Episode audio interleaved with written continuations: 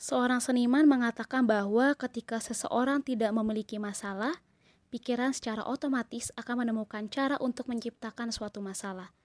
Jadi, menemukan sesuatu yang penting dan bermakna dalam kehidupan Anda mungkin menjadi cara yang paling produktif untuk memanfaatkan waktu dan tenaga Anda.